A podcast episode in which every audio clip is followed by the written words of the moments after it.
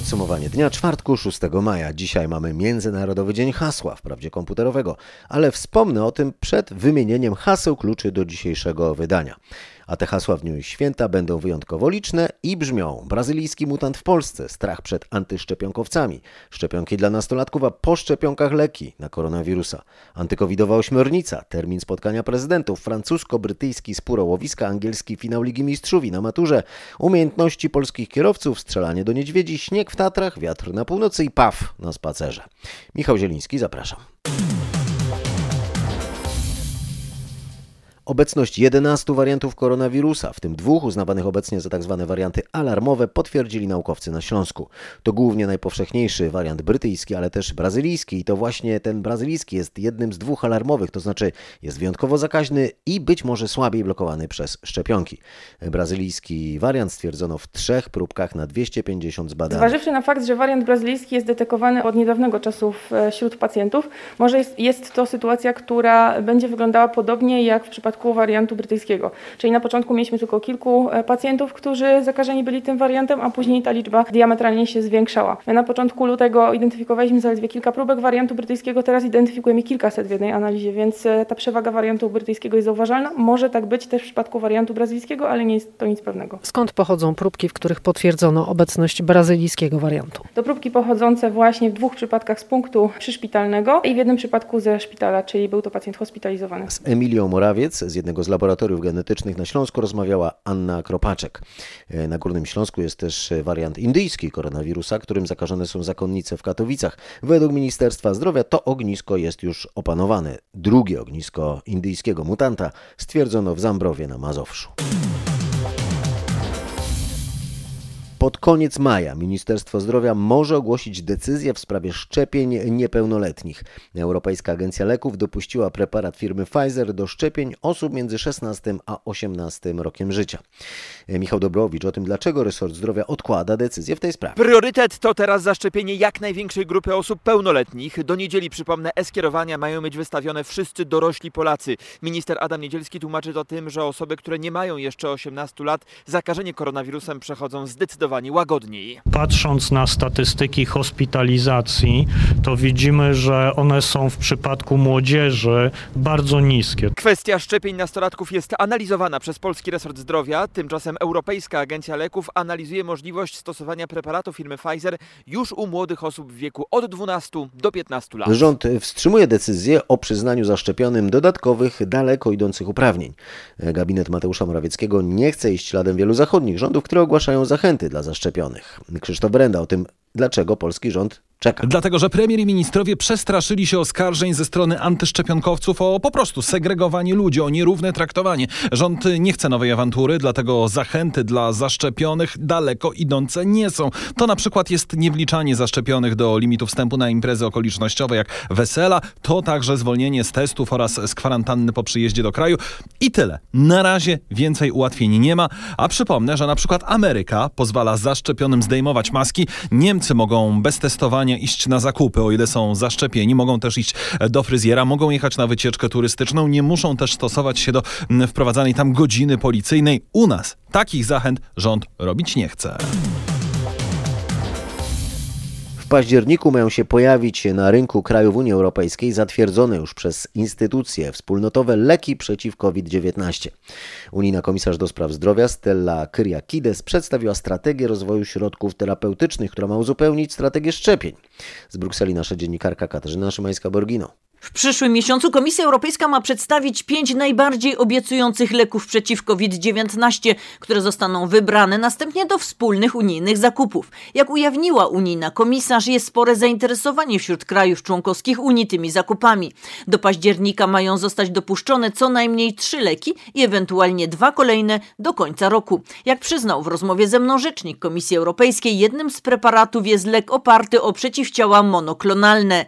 Kontrakty Komisja Europejska Europejska zamierza podpisać pod koniec roku. Bruksela uważa, że leki przeciw COVID-19 zostały nieco zapomniane. Najwięcej mówi się o szczepionkach, a leki są niezbędne do powstrzymania pandemii. Komisja przeznaczy więc 90 milionów euro na przyspieszenie badań naukowych.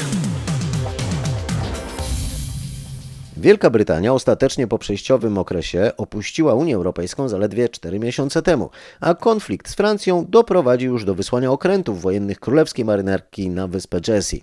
Dwie fregaty strzec mają tamtejszego portu przed francuskimi kutrami, które mogą go zablokować, relacjonuje z Londynu Bogdan Frymorgan. Niedaleko wejścia do portu dryfuje około 70 francuskich kutrów rybackich. Ich właściciele mają prawo łowić ryby wokół Jersey, ale muszą mieć na to specjalną licencję wydawaną przez władze wyspy, a ta obwarowana jest coraz większymi wymaganiami. Do tego stopnia, że francuski rząd zagroził odcięciem dostaw prądu na Jersey, jeśli sytuacja nie zostanie rozwiązana.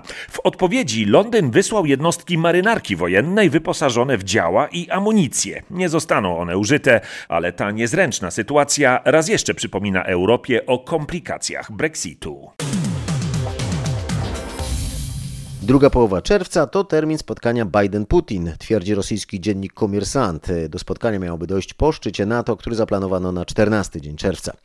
W prawdopodobnej agendzie Ukraina, w środę wspierani przez Rosję separatyści 19 razy naruszyli zawieszenie broni w Donbasie. Sprawa Nawalnego, ale też Białoruś, Syria, Iran. Wszystko to oczywiście tylko w przypadku, gdy do spotkania faktycznie dojdzie, bo oficjalnego potwierdzenia nie ma.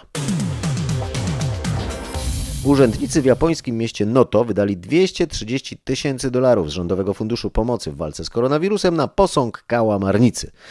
Pomnik jest białoróżowy, ma wielkie oczy i jakieś 13 metrów długości. Według lokalnych władz kałamarnica wielkości autobusu ma podnieść walory turystyczne miasta, ściągnąć odwiedzających i być, tu cytat, siłą napędową w okresie post-covidowym.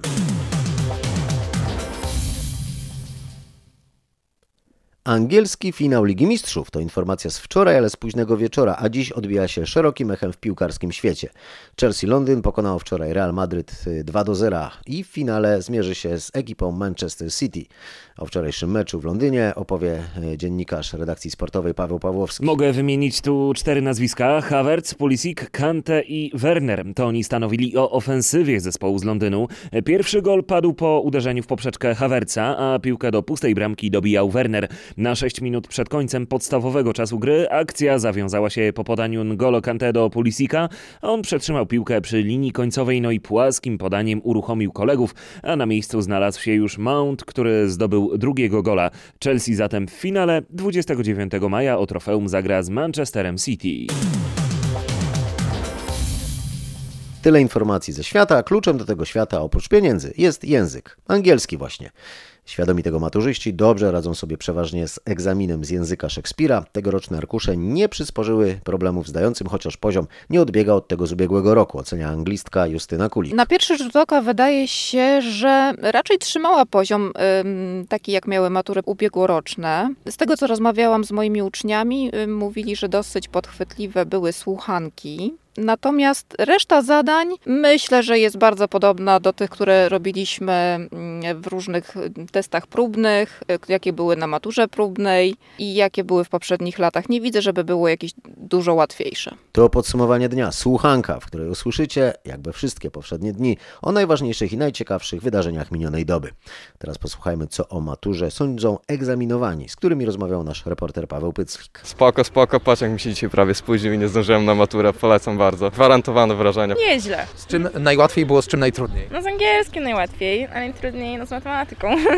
Ogólnie jest dobrze, polski podszedł pode mnie idealnie, teksty były całkiem w porządku, matematyka próbna była trudniejsza, ale czasem te zadania zamknięte były takie podchwytliwe, a angielski no to chyba każdemu poszedł łatwo. Najtrudniejszy był zdecydowanie polski ze względu na to, że był polskim. No jestem na profilu matematyczno-fizycznym, dlatego też matematyka była zdecydowanie najłatwiejszą dla mnie częścią. W sumie no dzisiaj weszłam tak totalnie po prostu, ale jakby stresuje mnie bardziej to, że wszyscy o tym mówią i jakby wszyscy powtarzają, że no zaraz matura, następna i w ogóle, że trzeba się tylko przygotowywać, a jednak czasem warto po prostu odpocząć już od tej Pozytywnie nauki. oceniam przeprowadzenie matur z języka polskiego i matematyki, chociaż ekstatyczny nie jestem, mówi szef Centralnej Komisji Egzaminacyjnej. Marcin Smolik jako sukces podaje fakt, że mimo pandemii żadnego z egzaminów nie odwołano, a szkoły przygotowały się na obostrzenia. Dlaczego dyrektor komisji nie jest w pełni zadowolony? O tym Krzysztof Zasada. Mówi o tym, że matury nie przebiegły jednak w pełnym spokoju. Zwraca uwagę na anonimowe informacje dotyczące alarmów bombowych i choć ich wiarygodność jest żadna, to wpływa na atmosferę, dodaje dyrektor Smolik. Druga sprawa, jak mówi, to sygnały o przeciekach odwracające uwagę od tego, co najważniejsze. Zamiast się skupiać na tym, co jest zawartością arkuszy i jakie tam zadania były ciekawe, to my się skupiamy na jakimś administracyjnym gonieniu za składaniem zawiadomień i e, policją i kontaktami z prokuraturą. Nie o to w egzaminach chodzi. Jak wiecie z faktów, szef CKE złożył na policji i w prokuraturze dwa zawiadomienia o podejrzeniu przecieku tematów maturalnych z języka polskiego i matematyki. Teraz w podsumowaniu dnia o aresztowaniu 40-latka, który jest podejrzany o zastrzelenie policjanta w Raciborzu przedwczoraj. Decyzję podjął sąd na wniosek prokuratury. Więcej Anna Kropaczek. Sąd zdecydował, że 40-latek ma spędzić w areszcie 3 miesiące. Wcześniej mężczyzna usłyszał trzy zarzuty: zabójstwa policjanta pełniącego służbę, usiłowania zabójstwa drugiego funkcjonariusza i nielegalnego posiadania broni i amunicji. 40-latkowi grozi dożywocie. Jutro w południe w Raciborzu odbędą się uroczystości pogrzebowe zabitego policjanta. Kupując komórkę, przekażesz pieniądze na artystów. Taki mechanizm podatkowy planuje wprowadzić rząd, rozszerzając opłatę reprograficzną na smartfony i tablety.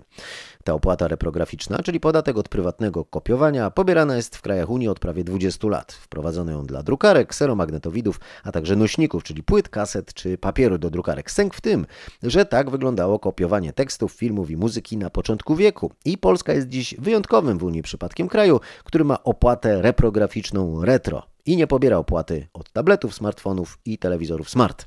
Rząd zamierza to zmienić, stawka ma nie przekraczać 4% wartości sprzętu i dzięki temu rząd ma uzyskać w przyszłym roku nawet 400 milionów złotych, które trafią w dużej części na Fundusz Wsparcia Artystów Zawodowych, bo jak argumentuje Ministerstwo Kultury, większość artystów ma niskie dochody, więc należy dopłacić do ich składek na ubezpieczenia społeczne i zdrowotne. Ponadto pieniądze z opłat popłyną na konta stowarzyszeń różnego rodzaju twórców. Autorzy projektu twierdzą, że wprowadzenie daniny nie spowoduje podwyżek cen smartfonów czy tabletów, bo na rynku panuje taka konkurencja, że producenci jakoby wezmą tę opłatę na siebie. To podsumowanie dnia 6 maja, Dnia Bezpieczeństwa Ruchu Drogowego. Poświęcimy teraz temu tematowi niemal 5 minut. W zeszłym roku doszło w Polsce do 23,5 tysiąca wypadków, zginęło prawie 2,5 tysiąca ludzi, rannych zostało 26,5 tysiąca.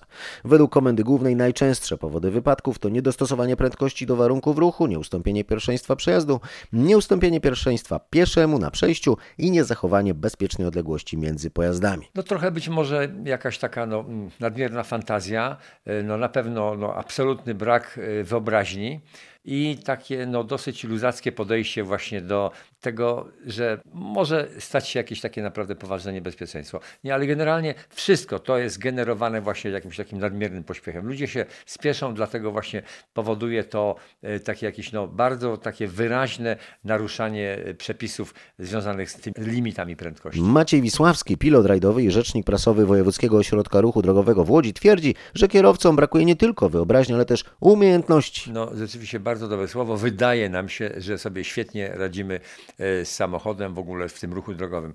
Prawda jest zupełnie inna, ponieważ ja pracuję od 20 lat ze szkołami doskonalenia techniki jazdy to doskonale wiem, obserwując tych wszystkich uczestników, których się no, wiele, wiele tysięcy na przestrzeni tych lat obok mnie przewinęło, no, że poziom no, poziom umiejętności polskich kierowców jest naprawdę no, żenująco niski. Ja to twierdzę, że ci ludzie, którzy kiedyś tam zdobyli rok, 5, 10, 20 lat temu prawo jazdy, to się po prostu wstecznili. Ja ich nazywam takimi nik nikiforami kierownicy. Ludźmi, którzy się, którzy się stali takimi wtórnymi analfabetami. I ja to mówię z całą odpowiedzialnością i naprawdę mówię to nie dlatego, że gdzieś wyczytałem, tylko ja to mówię na podstawie moich własnych wieloletnich obserwacji. W Europie, jeżeli wyjedziemy poza granicę Polski, to jesteśmy takimi bardzo zdyscyplinowanymi kierowcami i tam nie ma poza jakimiś takimi incydentalnymi przypadkami jakichś takich poważniejszych zagrożeń, bo po prostu Polak, jak przekracza polskie granice, wyjeżdża na zachód, to staje się nagle e, takim no, potulnym barankiem na drodze, bo po prostu tam wie, że nie ma żartów, tam musi respektować prawo y, i musi respektować tamte, tamte przepisy. Jak jest 90, to jadą te 90, 90 parę. Wiedzą, że jeżeli przekroczą o 5 na godzinę, to od razu płacą jakieś tam 50 czy, czy 100 euro. I tutaj do, do, dokładnie jest taka bardzo wyraźna jak gdyby relacja tej dotkliwości kary i nieuchronności kary y, właśnie y, z tym takim jakimś samodyscyplinowaniem. Co o tym myślą kierowcy? Rozmawiał z nimi we Wrocławiu Paweł Peclik. Brak kultury. Jesteśmy kierowcami dość jednak nerwowymi. Myślę, że jeżdżącymi dość brawurowo. Trąbią, pokazują, albo światłami migają. To znaczy się, no wygląda to na tej zasadzie, że jak czasami jedzie się lewym pasem i się skręcić chce w lewo za jakieś tam następne ulice, no a z tyłu widzimy, że no jakiś tam sobie jedzie gościu, no i światłami albo trąbi, no ja mu wtedy rękę pokazuję, że chwileczkę, no nie, i kierunkowskaz, no to bardzo oburzony i pokazuje, jakie to on piękne manewry potrafi robić.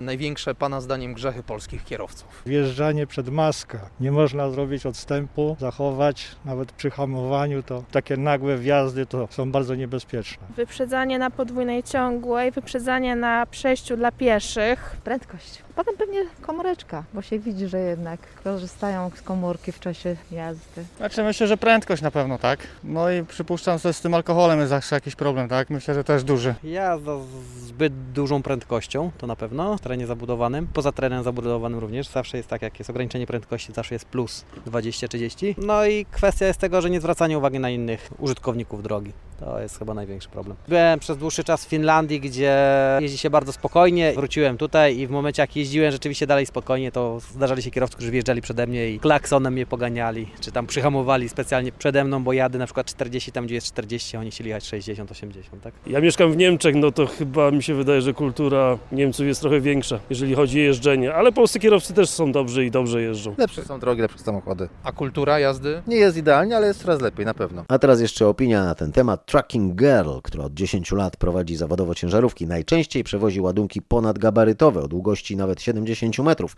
W ten sposób, jak sama mówi, realizuje pasję poznawania świata. No największym grzechem, największym grzechem kierowców na całym świecie, z tego co zauważyłam, to jest brak zachowywania odległości. Każdy każdemu siedzi na tyłku. Wczoraj dojechałam do świateł i było torowisko i no, przede mną już nie było miejsca do podjazdu. Musiałabym stanąć na, na torach. Wiadomo, jak światło zielone chwilę świeci, to ono się zmieni na czerwone, a nie na kolejne zielone. Nie? A tam, tam samochód za mną już tak trąbił, trąbił, trąbił. No i oczywiście zaraz przeskoczył na czerwony i od razu, pod, od razu e, tramwaj przyjechał. I sobie myślę, kurczę, jacy ludzie niecierpliwi. Nie? Dzisiaj był również Międzynarodowy Dzień Bez Diety. Co by się zjadło tak bez ograniczeń? O to pytał mieszkańców Lublina. Nasz reporter Krzysztof Kot. Ciacho z kawą, wie pan, naprawdę. Dużo cukru, dużo czekolady, Tak, dużo bitej tak. śmietany. Dokładnie, dokładnie. Dużo czekolady i cukru, tak jak pan mówi. Pizzę albo, albo jakieś dobre lody. Albo gofry, o, takie z lodami. No, każdy powinien mieć taki dzień bez diety, nie? Żeby też nie trzymajmy się jakoś tak ściśle tych restrykcji wszystkich. Ja wszystko jem, proszę pana, tylko z umiarem. No, a jakby pan mógł sobie pofolgować dzisiaj? No to ziemniaki i kefirek. Ale to tak zdrowo. Myślałem, że jakaś golonka tu A padnie. no nie, nie, nie, to odpada, takie rzeczy odpadają. Po co to pompować w siebie, a później zdychać na drugi dzień, to nie ma najmniejszego sensu. Co pan lubi takiego bardzo niezdrowego na przykład zjeść? No co można takiego lubić? Schabowy. Tort. Bez diety. Bez diety, tak. Taki- Czyli jemy normalnie. Tak, czyli jemy no, normalnie, czyli jak? No, pewnie jakieś fast foody. I Co, jakiś hamburgerek? No pewnie tak. Trzeba będzie połknąć. Książę Liechtensteinu na celowniku rumuńskich i austriackich organizacji ochrony przyrody. Piętnowany jest też rząd w Bukareszcie, a wszystko przez polowanie na niedźwiedzia. Książę Emanuel von zu Liechtenstein dostał nagrodę na odstrzał niedźwiedzicy, która dawała się we znaki farmerom. W rzeczywistości książę zastrzelił samca największego niedźwiedzia w Rumunii o imieniu Artur. W dodatku stało się to na terenie obszaru chronionego w Karpatach. Fala krytyki wylewa się też na Słowaków, którzy kilka dni temu zabili niedźwiedzicę i jej młode pod schroniskiem Śląski Dom w Tatrach. Jednak Filip Zięba, wicedyrektor Tatrzańskiego Parku Narodowego, który od lat zajmuje się niedźwiedziami, jest daleki od surowego oceniania Słowaków. U nas na szczęście takiej sytuacji jeszcze nie było, ale nie można wykluczyć, że kiedyś do niej dojdzie. Mówi Filip Zięba. No u nas takie niedźwiedzie, które są problemowe, to w pierwszej kolejności staramy się z nimi mieć kontakt i zakładamy im obroże po to, żebyśmy mieli dokładnie pełną kontrolę i nadzór nad tym, co robią i, no i gromadzili informacje, jak one funkcjonują. I odpukać nie mieliśmy żadnych takich nieprzyjemnych zdarzeń. Nie staliśmy pod murem, nie musieliśmy takiej trudnej decyzji podejmować, co dalej z niedźwiedziem robić, czy go eliminować, czy już jest na tyle zagrożenie dla człowieka, czy nie. Więc jakby ta profilaktyka u nas jakieś tam efekty przynosi, jest to bardzo ciężka i żmudna praca, no ale jakoś to idzie nam. W tym sezonie chociażby mamy 7 takich niedźwiedzi jest przez nas prowadzonych. No i na razie jeszcze nie jesteśmy w takiej sytuacji, gdzie musimy myśleć o podejmowaniu jakichś drastycznych działań, ale to nie jest wykluczone, bo naprawdę życie pisze różne scenariusze i, i też możemy mieć taką krytyczną sytuację i możemy stać pod ścianą. Więc w związku z tym ja bym był bardzo ostrożny w osądach co do tego, co Słowacy zrobili, bo tutaj dyskusja i temat jakby się skupia nad tymi osobami, które podjęły taką decyzję, nad tam czteroosobowym zespołem, który brał odpowiedzialność i za niedźwiedzie, i za człowieka. A tak naprawdę to nie jest opowieść o tych osobach, bo to, to na pewno dla nich też była trudna decyzja. I tak naprawdę to nie jest opowieść o tych osobach, tylko to jest opowieść y, głębsza o całej sytuacji, dlaczego doprowadzono do sytuacji, w której już niedźwiedzie są na takim poziomie, że no nie wiadomo co z nimi robić. W Tatrach tymczasem spadł śnieg, powyżej 1000 metrów e, znów zrobiło się biało. Na Kasprowym temperatura spadła do niemal minus 8 stopni, donosi Maciej Połachicki. Śnieg i to bardzo intensywnie padał także w Zakopanem, ale z powodu temperatury na szczęście się nie utrzymał. Na szczęście, bo wielu kierowców wymieniło już opony na letnie. Zrobiło się jednak bardzo zimno. Wczoraj po południu po burzy temperatura w ciągu zaledwie kilku godzin spadła o ponad 15 stopni. W nocy wynosiła już tylko pół stopnia powyżej zera. W Tatrach trzyma mróz, a prognozy przewidują, że jutro także w górach mogą pojawić się opady śniegu, a w Zakopanem deszczu ze W śniegiem. północnej Polsce z kolei mocno wieje. W porywach prędkość wiatru sięgała dziś 90 km na godzinę. Strażacy jak zwykle apelują, by pamiętać o bezpieczeństwie. Mówi o tym młodszy brygadier Łukasz Jasiński z Komendy Miejskiej Państwowej Straży Pożarnej w Olsztynie. Pamiętajmy o tym, żeby nie parkować pojazdów pod drzewami, bo bardzo często dochodzi do takich zdarzeń, gdzie y, gałęzie bądź konary drzew spadają na pojazdy. Jeżeli wypoczywamy nad wodą, to pamiętajmy również o tym, żeby schować się w jakimś bezpiecznym miejscu. Ważne jest również to, żebyśmy w przypadku, kiedy mamy na balkonach, tarasach jakieś y, przedmioty, które mogą zostać porwane przez wiatr, to żeby je zabezpieczyć. Na koniec podsumowania dnia o zatrzymaniu uciekiniera z łazienek. Uciekł wczoraj. Paw znalazł się dziś, kiedy spacerował po Nowym Świecie. Spacerował Nowym Światem, czyli jednym z głównych deptaków w Warszawie i mamy już oficjalne potwierdzenie, że to jest właśnie ten ptak, który na co dzień mieszka kilka kilometrów od tego miejsca, w którym został odnaleziony, w Parku Łazienki Królewskie w Warszawie. Przed chwilą rozmawiałem z Anną Marat, właśnie z Łazienek Królewskich i dopytywałem, na jakim etapie jest akcja transportu pawia z Nowego Światu do jego domu, czyli do Łazienek. Paw e, jeszcze fizycznie nie wrócił, ale już się na Nowym Świecie odnalazł i lada chwila będzie tutaj już znów e, w Łazienkach Królewskich. Nieuniknione jest to, że, że pawie potrafią sobie e, troszkę zmienić otoczenie. I, kilka razy w roku się to zdarza. Natomiast my jesteśmy przeszczęśliwi, że nic mu się nie stało i że się odnalazł cały i zdrowy. Cały i zdrowy to jest najważniejsze, a ja mam jeszcze jedną ważną informację. Jak mówią świadkowie tej akcji transportu i odnalezienia ptaka, gdy został odnaleziony, to podobno ten uciekinier wyglądał na bardzo dumnego. Dosłownie był dumny jak o paw. który wypuścił się na miasto, opowiadał Michał Dobrowicz. 24 godziny w 24 minuty. Dobiega końca podsumowanie dnia. Kłania się Michał Zieliński. Zapraszam na jutro.